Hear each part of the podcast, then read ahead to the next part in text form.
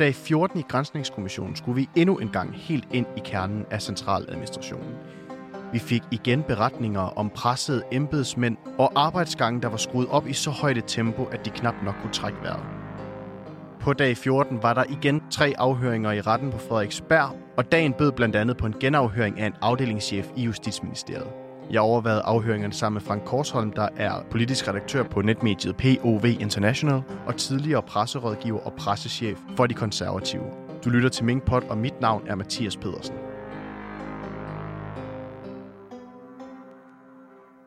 Dag 14. Vi ligger ud med Nikolaj Veje, direktør i Fødevarestyrelsen. Også en rimelig central rolle, må man sige. Ja, det er jo Fødevarestyrelsen, som er det helt centrale. De har haft ansvar, den operative ansvar med at, at slå smitte minkfarmene i zone 1 og zone 2. Og de har jo været i gang siden øh, omkring den 15. juni, eller i starten på sommeren, hvor man observerer de første tre smitte i farme i Nordjylland.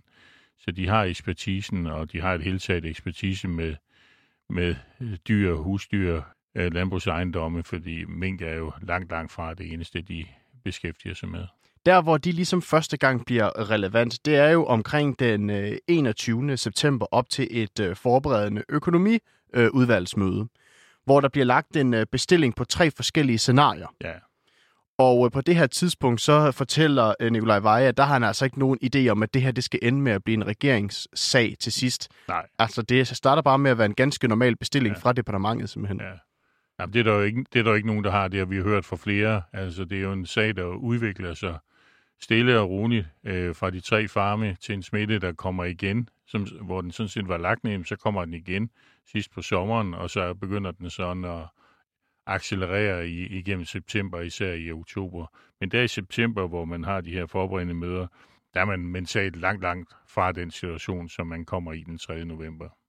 Og hvis vi lige sådan skal opsummere de her tre scenarier, så er det jo tre forskellige scenarier for, hvordan man kan inddæmme smitten blandt mink. Og der er det sidste scenario det, den mest ultimative, altså at slå alle mink øh, ihjel i Danmark.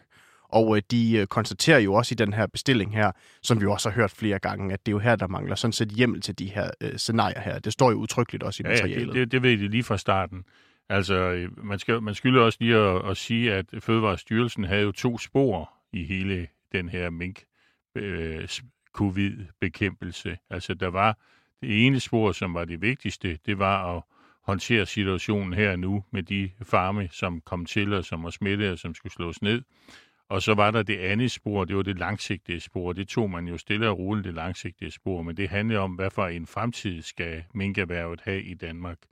Og der havde man ikke noget hastværk, for ingen kunne se, altså der var jo ikke nogen, der forventede, at der kom en, en øh, dommedags øh, risikovurdering fra øh, Kåre Mølbak den 2. 3. november. Og så hører de jo sådan set ikke rigtig noget om, øh, om aflivning, altså om aflivning af alle mink, øh, udover at de har skrevet det ind i det her materiale, som er blevet bestilt. Så hører de jo sådan set ikke om, om det, ja, før omkring den øh, 3. november, når det her møde i koordinationsudvalget, det jo kommer, som vi jo har talt om så mange gange. Nej, altså, øh, Nikolaj Veje er jo med til mødet dagen før den, så, øh, altså den 2. november, sammen med Copenhagen 40 og, øh, hvor han deltager sammen med øh, ministeren Måns Jensen. Og det møde var jo oprindeligt planlagt til at skulle handle om, hvordan speeder man op. Altså mink avlerne øh, fik ikke, øh, de fik jo ikke slået de farme ned i det tempo, man havde ønsket, og, øh, og det handler jo om at få reduceret det, de kalder biomassen, altså simpelthen reduceret antallet af, af, af mink, og dermed også risikoen for, at, mink, at smitten skulle springe fra mink til mennesker. Og, øh, og øh, det, man gerne ville have minkavleren til, det var at fremrykke pelsningen. Man vidste, at de skulle i gang med pelsningen i midten af november, fordi det følger sådan, øh, der de åbenbart øh, øh, pelsningsklar, eller mest optimale tidspunkt. Men, men Minkavlerforeningen og Copenhagen 40 var indforstået med, at det kan man måske godt rykke 10-14 dage frem, altså begynde omkring 1. november på det der. Så det var det, som mødet oprindeligt skulle handle om, men det fik jo et lidt andet forløb. Ja, Nikolaj Veje, han, er faktisk, øh, han siger faktisk ordret i øh, kommissionen i dag, at øh, alt handlede om hurtig pelsning, indtil der gik Wuhan i den, ja. siger han. Ja. Og der det, refererer han jo så til, til den her øh, nye ja. risikovurdering, der kommer fra Statens ja. Serum Institut. Det, det, det, blev, det skiftede jo dagsordenen fuldstændig ikke, at man ikke vil stadigvæk fremme en hurtig pelsning, fordi det var jo det var vigtigt at få biomassen ned, men altså dagsordenen blev jo lige pludselig noget mere dystere. Og så bliver beslutningen, beslutningen jo truffet øh, den, øh, den 3. november på det her møde i koordinationsudvalget. Og så fortæller Nikolaj Veje faktisk, at øh, dagen efter den her beslutning her er truffet, så er for, øh, folkene i hans øh, styrelse faktisk dybt berørte over den her situation. De er faktisk en smule rystet. Ja, altså øh, vi ved jo, at Fødevarestyrelsen har arbejdet efter dvalemodellen, og dvalemodellen var jo, okay, vi slår mængdene ned, så kan man diskutere, om de skal have lov til at pælse dem, eller de skal øh, slås ihjel alle sammen, eller slås ihjel. Øh, men at der derudover kunne man give dem lov til at tage avlstyrene ud, så man lavede erhvervet i hvile i 2021, indeværende år, og så kunne de her mink, der var i dvale, så kunne de jo ellers begynde ligesom at formere sig igen, og så kunne man komme op på den gamle bestand øh, i løbet af, af, af få år. Men det går jo op for ministerne og departementcheferne på K-valgsmødet, at dvalemodellen, den indebærer, at du tager 20 procent fra ud af minkbestanden, og det vil alligevel være op mod 3 millioner mink. Og øh, det tror jeg kom bag på mange, eller det ved jeg kom bag på mange, at, øh, og især også, at øh, Kåre Mølbak jo også mente, at det var, øh, det var simpelthen for stor en bestand, det var et for stort reservoir at have øh, af mink i Danmark. Og de regner egentlig lidt med, at øh, efter den her beslutning er truffet om, at, at nu skal alle mink slås ned, så er øh, selve hjemmelsdelen taget lidt af deres spor. Ja, altså der opstår en diskussion i hvert fald dagen efter, fordi at øh, det er jo ikke den model, og de virker også til at være sådan lidt øh, mopse. Nu nævnte du selv før, at der var medarbejdere, der var, der var rørte af det, eller berørte af det, fordi øh, det, var en, det var en voldsom beslutning at og øh, nedlukke erhvervet i en, i, en, i en periode. Så, så, så der går jo sådan lidt her, sådan noget abekastning i det, altså hvem skal have aben? Og, øh, og der ved vi jo, at der var et afdelingschefmøde den 4. november, hvor Thijs Benrup, afdelingschefen fra, fra Fødevareministeriet, han ligesom kaster en fra sig, det må I klare over i Sundhedsministeriet, det må I klare under epidemiloven. Men, men der er det jo så, at, at øh, en vaksafdelingschef, Dorte Søndergaard, siger, nej, det, den går ikke, den, det kan vi så ikke rumme. Men det kan da ikke passe, at I ikke kan klare den i den berømte paragraf 30 i lov om ophold af dyr. Det handler vel bare om, at I stiller de rigtige spørgsmål til sundhedsmyndighederne. Og der i lå jo, at der var jo kommet den her risikovurdering. Så spørger du lige sundhedsmyndighederne om, hvad, hvad betyder det at have mink i Danmark? Kan vi et hele taget have mink i Danmark? Og, og øh, kan I ikke rumme det inden for jeres øh, lovgivning? Men en af grundene til, at han også tænker, at det er taget lidt af deres spor, det er jo fordi, han fortæller jo, at i begyndelsen, så er øh, tempoet lidt langsomt med at få aflivet de her mink her, fordi de har rigtig svært ved at få andre myndigheder til at hjælpe dem med at slå de her mink ned. Og så, tager, øh, øh, så kommer Nosten jo ind og, øh, og hjælper til, og det er der, han ligesom regner med, okay, men så ligger det måske også hen i Justitsministeriets afdeling.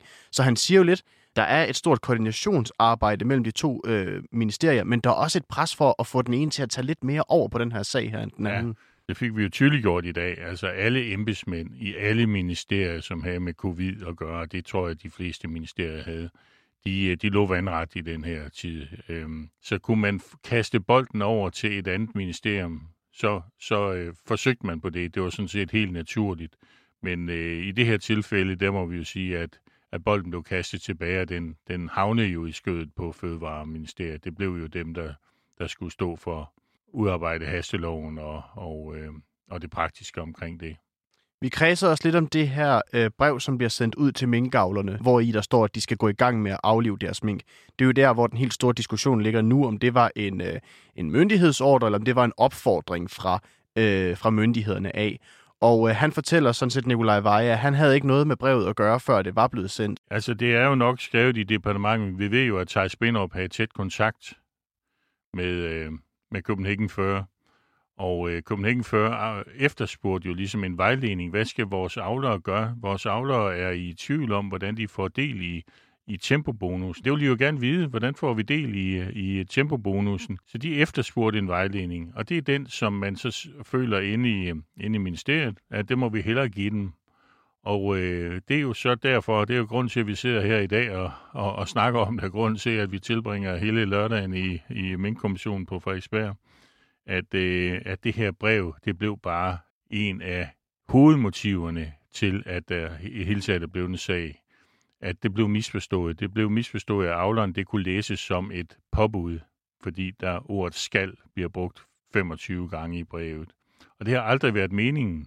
Altså det øh, understreger Nikolaj Veje, det understreger øh, Binderup, og det har alle embedsmænd understreget, at vi er i gang med en almindelig, faktisk en ordinær embedsmandsproces med at lave hastelovgivning. Der, der, det skal ikke implementeres, før loven er, er vedtaget og, og stadfæstet eller kundgjort osv., altså den normale lovgivningsproces. Men øh, det blev altså misforstået som et påbud. Til sidst så har øh, Nikolaj Vajo en klar bemærkning, som han godt lige vil, øh, vil, vil komme med. Og det er, at han jo selvfølgelig gerne vil rose sine, øh, sine medarbejdere i Fødevarestyrelsen, fordi han mener, at de aldrig nogensinde har oplevet noget, eller han har aldrig nogensinde oplevet noget lignende. Han har tidligere været direktør i Rigspolitiet, og han fortæller, at heller ikke i den tid har han oplevet noget lignende. Altså han siger, at det er helt imponerende, hvad de har udrettet i Fødevarestyrelsen i den her periode her. Og så siger han, at det er på trods af, at de, de, de er blevet kørt over af en trumle og af politikere, af pressen osv.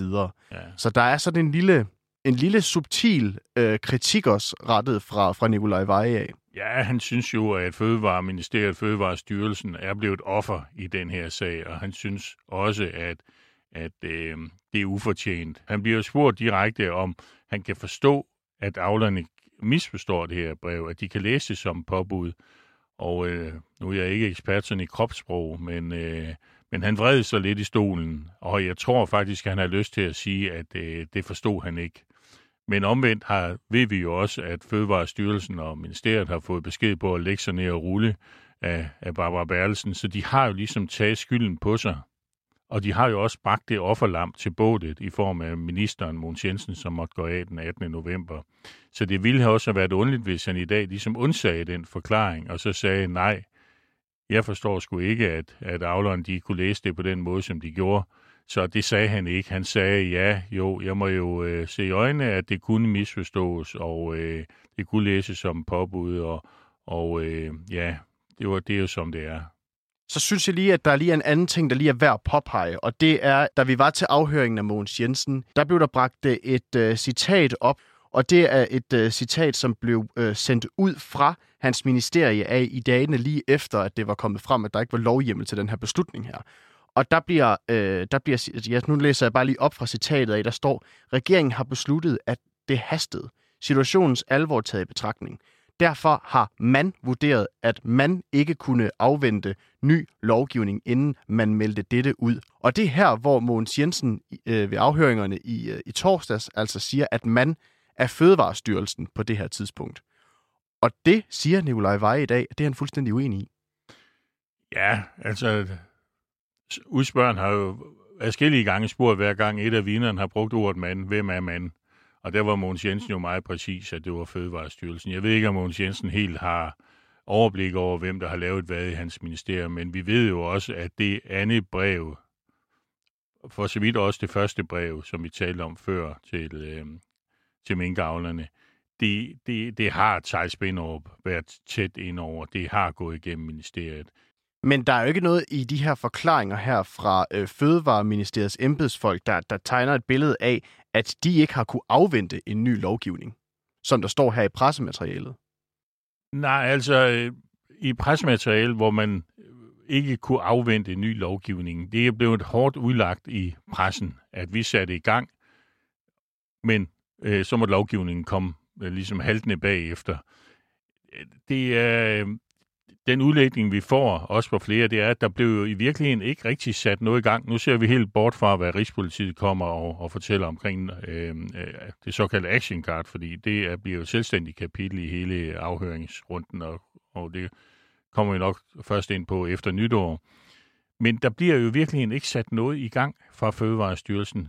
De, de gentager jo både i dag og, øh, og, og øh, har gjort det tidligere også, at der er jo ikke nogen myndigheder ude hos minkavlerne og slå mink ihjel i zone 3. Vi skal huske det i zone 3, altså den nye zone, der blev besluttet på, på koordinationsudvalgsmødet. Så, øh, så det, de relaterer sig til, at vi kunne ikke vente, det, det relaterer sig til brevet. Det, ja, det er i hvert fald Mogens Jensens forklaring. Det, det er den forklaring. Men Nikolaj Vej siger i dag, at han mener ikke, at det er rigtigt, at det er Fødevarestyrelsen, der bliver henvist til, når der står mand i den her pressemeddelelse. Nej, det, det bliver jo så en, en krig om kejserens skæg.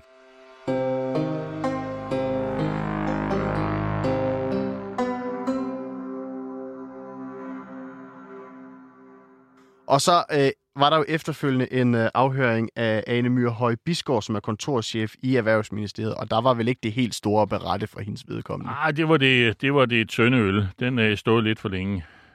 Hun havde jo mere sådan en koordinerende rolle. Hun skulle sørge for, at bilagene nåede frem til de rigtige personer og sådan noget. Hun havde egentlig ikke som sådan noget med sagsbehandling at gøre, og derfor så var hun jo ikke sådan vanvittigt relevant for, for ja, kommissionens arbejde. Ikke. Altså, de skulle jo være sikre på, at alle de her statsstøtte element, der lå i tempobonusen og også eksproprieringsreglerne, og, og de arbejdede på en omstillingspulje, øhm, ikke mindst i relation til Nordjylland. Nordjylland var jo hårdt ramt, og de, der, der var jo også en meget stor Nordjyllands pakke i pakken. Men i og med, at hun ikke havde så meget andet end koordinationsarbejde at gøre, så, øh, så var hun sådan set ikke super relevant Nej, for kommissionens hun arbejde. Hun har gjort det til en udflugt. Hun er vist også familien med.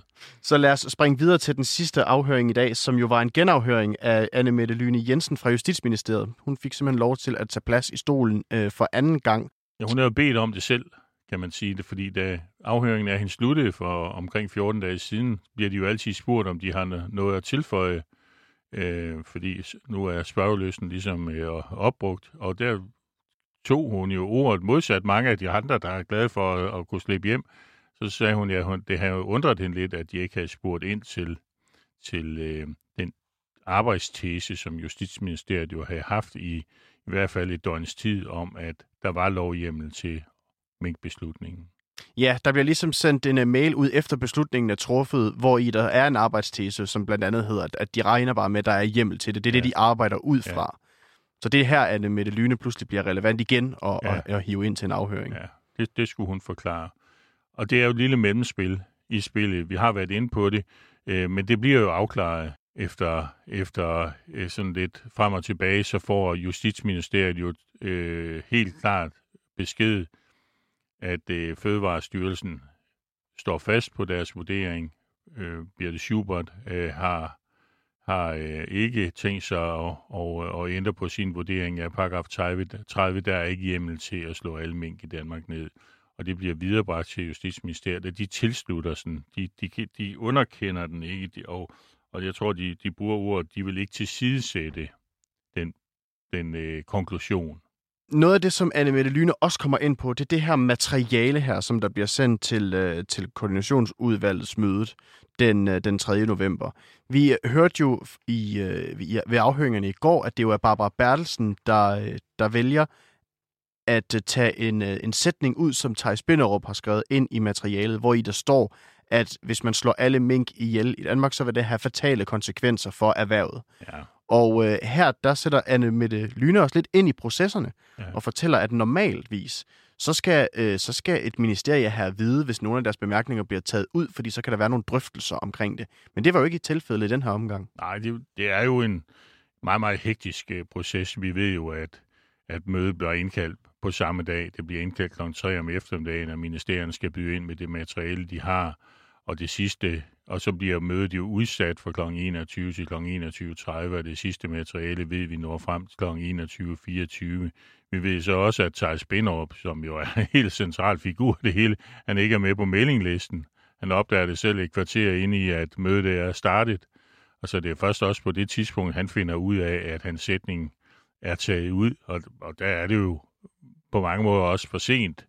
Øh, jeg kan i hvert fald ikke få det ind i materialet igen i et møde, som, som er, øh, er i gang.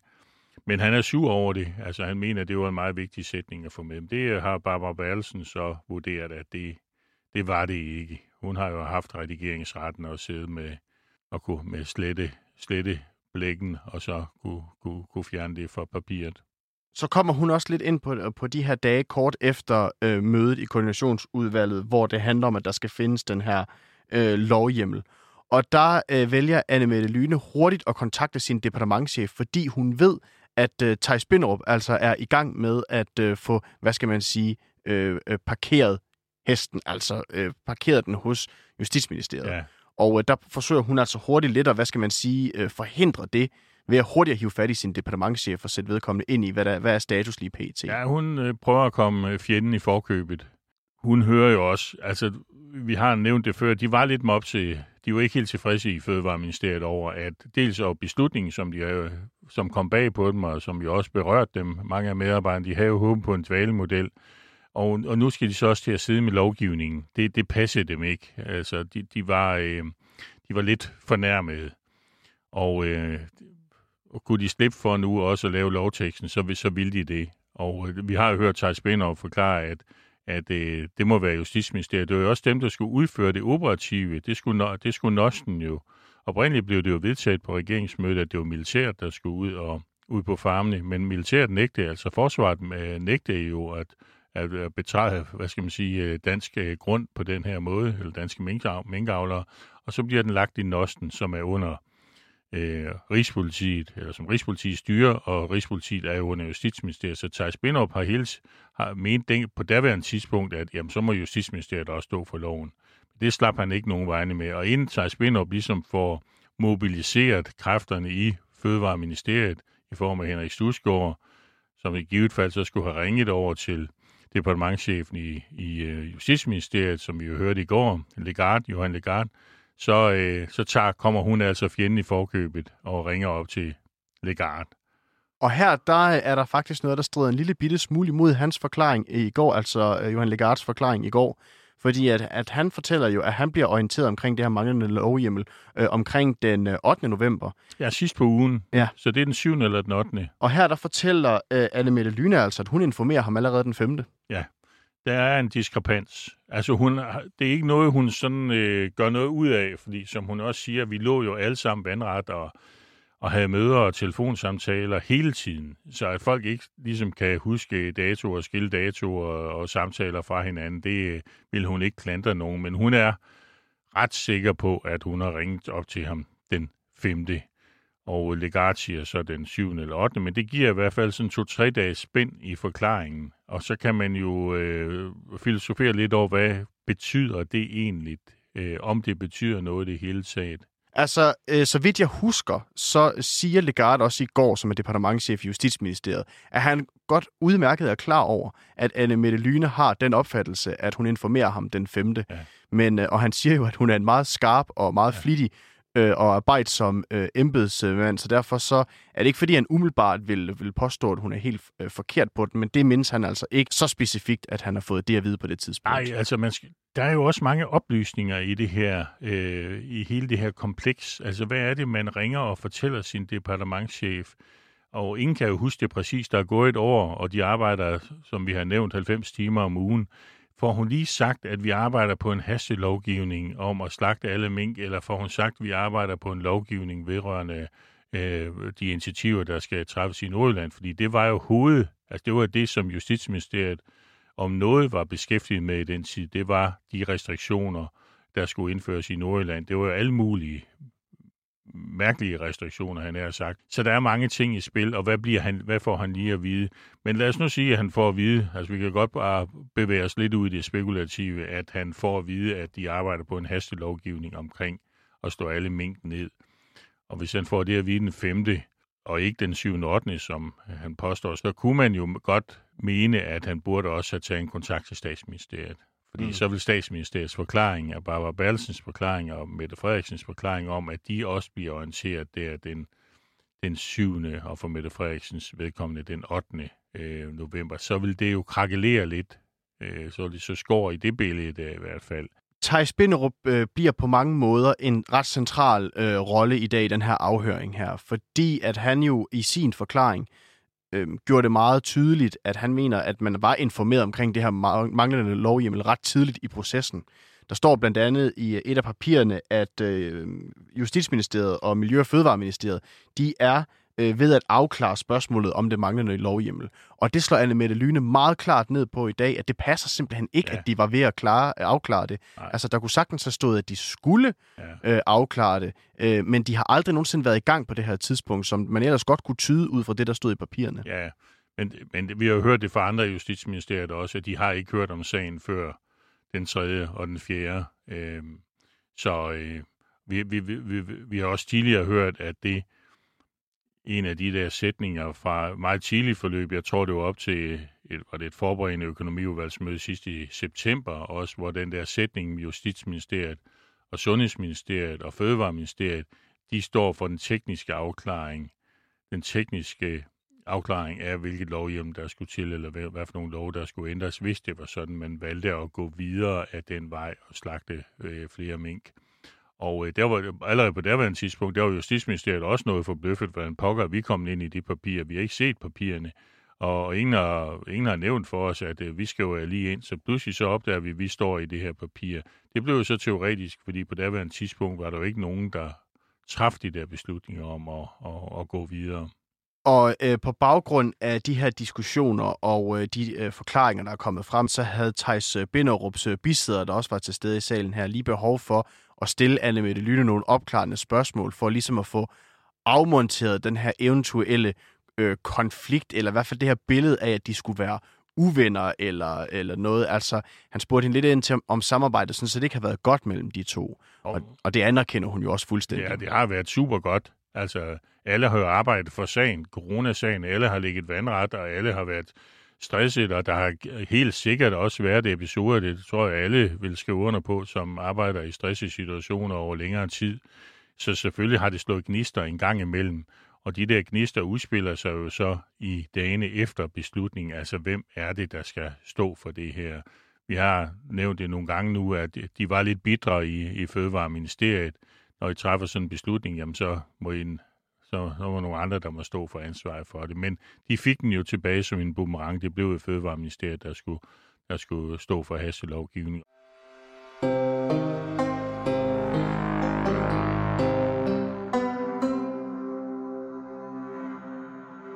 Dagens afhængende af var jo tre personer, som jo øh, er i embedsværket, som ligger under øh, departementcheferne.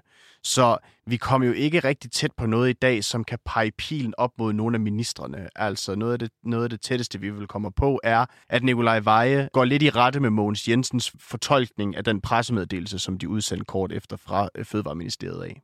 Generelt kan man sige, der, der tegner sig jo med nogle små nuancer det skal man også lige huske, men der tegner sig et samlet billede af en samlet forklaring også. Det, der, der, der er ikke nogen ministerier, der ser og siger, at det er jeres skyld, eller det er vores skyld, eller alle ved godt, at det handler om brevet den 6. Det er blevet misforstået. Det, man går egentlig ikke så meget op i pressemødet. Øh, Anne Mette Lyne, som er afdelingschef, gentog jo også det, vi også har hørt tidligere. Det der pressemøde, som Mette Frederiksen holder den 4. november, det, det opfatter man som ja, rutine. Altså, øh, politikere har jo gang imellem øh, brug for at henvende sig til pressen og til befolkningen med nogle budskaber, og, og det skete jo også den fjerde, hvor Mette Frederiksen, plus øh, også Rigspolitichefen Sokkel Fode, og jeg tror også Mølbak var med, og Måns Jensen, de orienterer om den her beslutning, og Måns Jensen lidt mere om indholdet. Han annoncerer jo øh, tempobonusen i hans indlæg. Men, men, men set fra embedsmændenes side, så går arbejdet jo sådan set bare helt normalt. Altså, jeg tror, hun brugte sådan et, øh, et øh, hun har brugt sådan et ord i dag, der sagde, at der var, det, det gav ikke noget gisp i embedsværket, da man fik at vide, at der ikke var lovhjemmel til det her. Man har siden coronaen øh, sådan kom på dagsordenen der i marts 2020, og så frem til den 3. november, der har, der har man behandlet omkring 40 hastelovgivninger i Folketinget. Altså ministerierne har jo så udarbejdet dem, men Folketinget har vedtaget 40 øh, hastelovgivninger, så det var helt normalt i den proces eller i den periode, man var i. De udførte sådan set deres arbejde. Der står en minister og holder pressemøde, og vi passer vores arbejde med hensyn til at udarbejde hastlovgivning og sørge for, at det bliver implementeret, og det bliver implementeret sammen med branchen, i samarbejde med branchen. Helt normal procedure. Der var ikke nogen røde advarselslamper nogen steder i nede i embedsværket. Det kommer jo så hvad skal man sige, sidst på ugen, og det kommer jo faktisk fra Justitsministeriet, vores to øh, øh, kontorchefer derovre, blandt andet øh, øh, Holland Heide, som siger, hvor det begynder at naden lidt. Altså nu har vi ordnet det her hastlovgivning, nu er alt det der i orden, men, øh, men har vi fortalt det til minkavleren? Er der nogen nede i minkavleren, der egentlig ved, at, øh, de skal, at der ikke er nogen lov på plads endnu? Men der, hvor skoen måske kan trykke endnu, vi har jo fået det her klare billede af, at det er et embedsværk, som er under massivt pres. Og øh, det er jo selvfølgelig på grund af den øh, meget alvorlige situation, man står i, men der tegner sig også et billede af, at der er et statsministerie, der presser rigtig, rigtig meget på hele tiden, uanset hvilket ministerie man bevæger sig i. Og det er måske der, hvor skoen kan trykke, og der, hvor vi måske ser nogle ting ved den næste afhøring, som måske kan, kan pege os lidt videre i den her sag. Ja, det er jo kronjuvelen næste torsdag. Torsdag næste uge kommer Barbara Berlesen, den, den berømte departementchef i, i, øh, i øh, statsministeriet. Og øh, det, det, hun er jo en hård nyser. Det tror jeg alle, der har fulgt den her sag, men også øh, andre sager, de er allerede godt er klar over. Hun kræver noget af sine medarbejdere. Hun, hun kræver noget af de andre øh, ministerie. Så det, der bliver spændende i næste uge, når vi skal overvære afhøringen af Barbara Bertelsen, det er, hvor meget hun er inde over hele de her processer. Vi har jo allerede et billede af et statsministerie, der generelt er blevet oprustet og har taget flere og flere sager ind over deres eget bord. Jamen, altså, hun er inde over det. Det ved vi jo fra K-udvalgsmødet og de ting, der blev slettet af papirerne. Vi ved jo også de der lidt kække bemærkninger, der er kommet op i forløbet med at sende militæret ind og gasse alle minkfarme. Så hun har været i det her alarmberedskab. Hun har haft næsen i sporet igennem lang tid, og hun har også sendt sms'er til Henrik Stusgaard i Fødevareministeriet om, at det går for langsomt. Hvorfor kan I ikke få sat gang i det her minkaflivning? Han har jo haft den her gode forklaring, han ikke kunne få politiet til at rykke ind. Altså, de var jo bange for, at de ville godt gå ind i minkfarmer og lave politimæssigt arbejde, men de ville jo ikke ind og, og, øh, og røre ved minkene og, og slå minkene ihjel.